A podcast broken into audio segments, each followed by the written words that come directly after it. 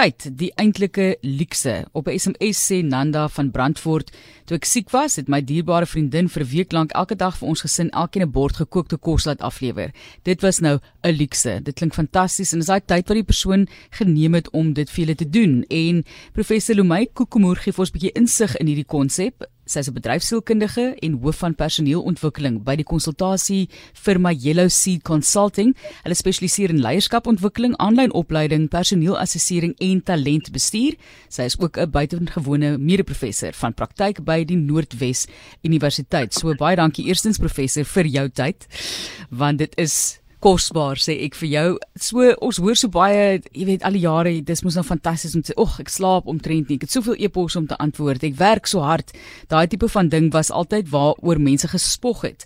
En ja. deesdae kom 'n mens agter, dis nou nie eintlik meer die die die ding om oor te spog nie, om, om te spog is om te sê ek het tyd. Ja. Ja, verseker.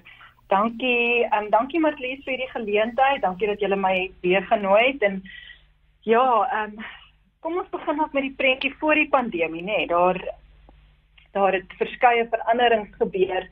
Voor die pandemie het ons gesien dat besig wees 'n statussimbool geword het.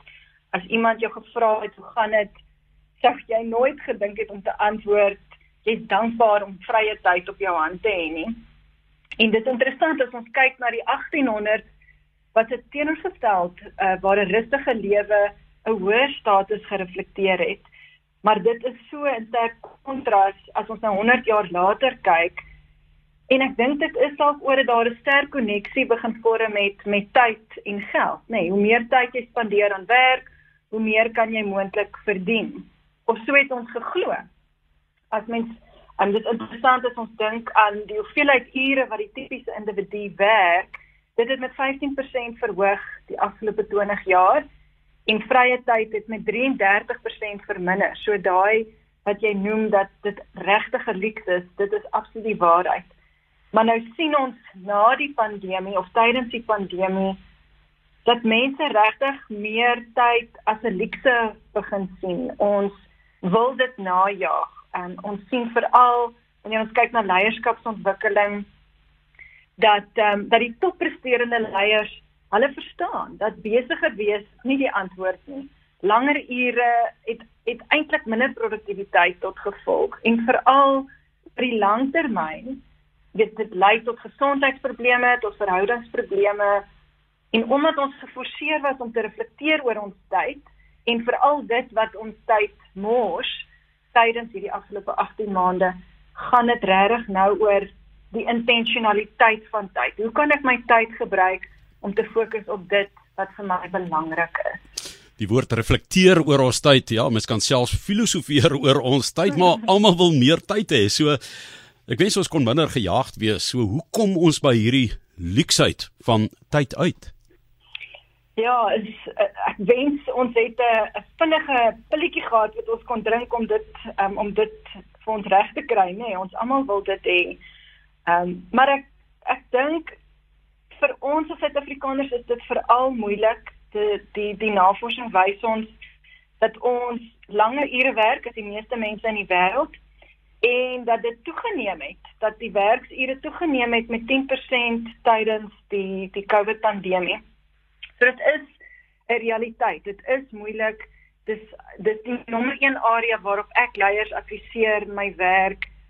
Maar dit maak my ook opgewonde want ons moet begin besef dat om net meer ure in te sit in my werk en my kinders um, in in wat ook al ek mee besig is, lei nie tot meer produktiwiteit nie soos ek vroeër gesê het. Daar's eintlik 'n uh, lekker baie navorsing wat wys vir enigiemand wat meer as 60 ure 'n week werk, jy eintlik minder produktief is as iemand wat 40 ure 'n week werk. So daar's 'n punt waar meer werk nie eintlik die die produktiwiteit uitset verhoog nie. En ons brein en liggaam is ook nie gebou om konsekwent hard te werk, hard te werk, hard te werk sonder rus nie. So ehm um, maar miskien maar net 'n paar wenke. Ek dink soos jy ook vroeër gesê het, dit gaan oor refleksie. Begin deur te reflekteer wat is vir jou belangrik? Wat is die prioriteite in jou lewe? Daar is nie genoeg tyd vir alles wat ons graag wil doen nie. So dit gaan oor ek wil nie meer doen maar ek wil meer doen van dit wat vir my belangrik is. Die tweede ding is wees genadeloos met jou nee. Elke ja lei tot 'n nee en elke nee lei tot 'n ja. So as jy nie jou lewe gaan prioritiseer nie, gaan iemand anders dit vir jou doen. Jou baas, jou kliënte, die die samelewing. So so ek moet besluit wat is vir my belangrik en ek gaan nee sê vir die ander dinge.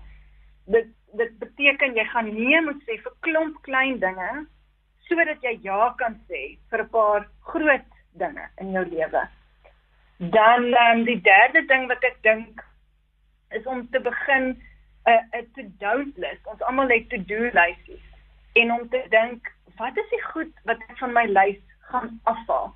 Kom ek wees intentioneel om van daai minder belangrike items van my lys af te haal en en vra jou familie, vra jou span, vra jouself wat is die goed wat ons kan afhaal sodat ons kan plek maak vir dit wat belangrik is. En dan die laaste ding is om bietjie te dink oor jou rotine. Daar's regtig mense wat hierdie leksheid gesnap het. Like hulle rotine lyk like anders. Hulle be, hulle besef ek moet my energie intentioneel bestuur Wat is die beste tyd vir my diep werk? Kom ek skeduleer dit eerste. Watter aktiwiteite gee vir my energie en meer tyd? Kom ek fokus op dit. So daai daai intentionaliteit nie net in my refleksie nie, maar ook in my ritmes en my rotines, hoe ek my kalender uitblok, wat ek prioritiseer, al daai moet intentioneel gebeur. Anders gaan anders gaan dit net bepaal word deur iemand anders. Professor, as mens gaan kyk na die diereryk, insekte byvoorbeeld, ek het ehm um, weer onlangs gelees mense het gesê dat jy weet mure slaap nie, maar is nie waar nie. Toe gaan kyk ek 'n bietjie, daar was 'n studie in 1983 Jameson Cottle oor die slaappatrone van insekte en hulle sê 8 minute uit 'n 12 uur siklus staan hulle eintlik net stil. Dis nie soos ons slaap ken nie. Hulle staan net stil, so die tonus van hulle spiere verander 'n bietjie en verminder en so meer. Maar ek het nou gehoor jy sê ons brein en liggaam is nie gebou vir konstant besig wees nie. So vertel ons 'n bietjie meer daarvan. Ja, en ek ek is mal oor die studie wat jy noem. Die die menslike brein is soortgelyk. Ons as ons kyk na toppresteerders of dit nou 'n wêreldklas skaakkampioen of 'n Olimpiese atleet is of 'n suksesvolle leier, die beste presteerders in die wêreld weet dat hulle aftyd net so kosbaar is as werktyd. As ons intentioneel is om ons tyd optimaal te bestee, dan gaan ons meer suksesvol wees, beide wanneer ons werk, maar ook wanneer ons rus, want dit is hoe ons liggame, ons breine aan mekaar gesit is. Ons um, ons praat van oop spasietyd.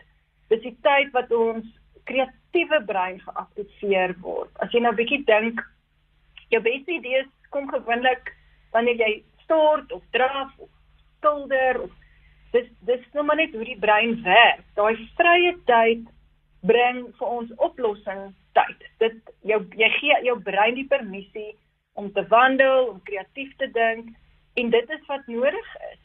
Daar's ook um, verskeie studies wat wys dat as ons op meer as twee take gelyk gelyke tyd fokus, is ons minder effektief.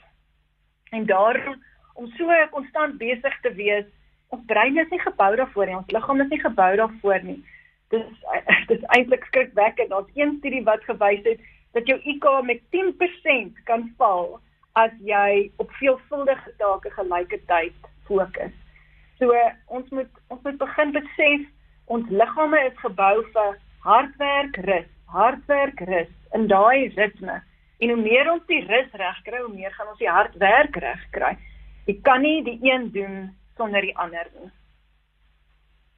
En net laastens kyk ons spandeer baie tyd aanlyn en baie mense is op sosiale media byvoorbeeld. Dis ook nie net dit nie, jy dink ook aan speletjies, jy dink aan ehm uh, gesprekke kamer of gesprekskamer. So watter rol speel dit? Ja, sjoe, dit dit is 'n groot ene as ons praat van tyd. As jy kyk na Suid-Afrika, ons spandeer gemiddeld 2.5 ure per dag op sosiale media. en dis dis meer as die wêreld gemiddeld. So en wat interessant is, ehm um, die tyd wat ons op sosiale media spandeer word nie geprosesseer in ons brein as rus nie. Dit verfis nie, uh, dit gee nie vir jou die nodige herstelreaksie nie. Um, en dieselfde kan gesê word van televisie kyk. So wanneer jy weer sê, "O, ek het nie tyd om te oefen nie. Ek het nie tyd om met my familie te kuier nie." Moet ons bietjie gaan loer. Wat sê jou foon se statistieke? Hoeveel tyd spandeer jy op sosiale media? Hoeveel tyd spandeer jy aan TV kyk? En dan kan jy bepaal, het ek regtig nie genoeg vrye tyd om te doen wat vir my belangrik is nie. Nou weer eens, ek kom terug na daai punt. Wat vir jou belangrik is.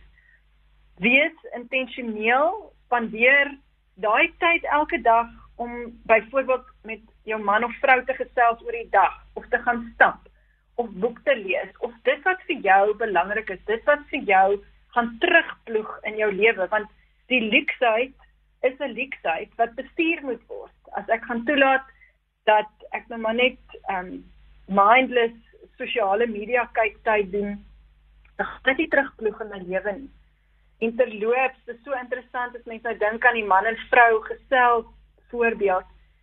95% van egskeidings is as gevolg van swak kommunikasie en die gemiddelde persoon 'n persoon spandeer minder as 2 minute 'n dag in betekenisvolle kommunikasie met hulle huweliksmaat.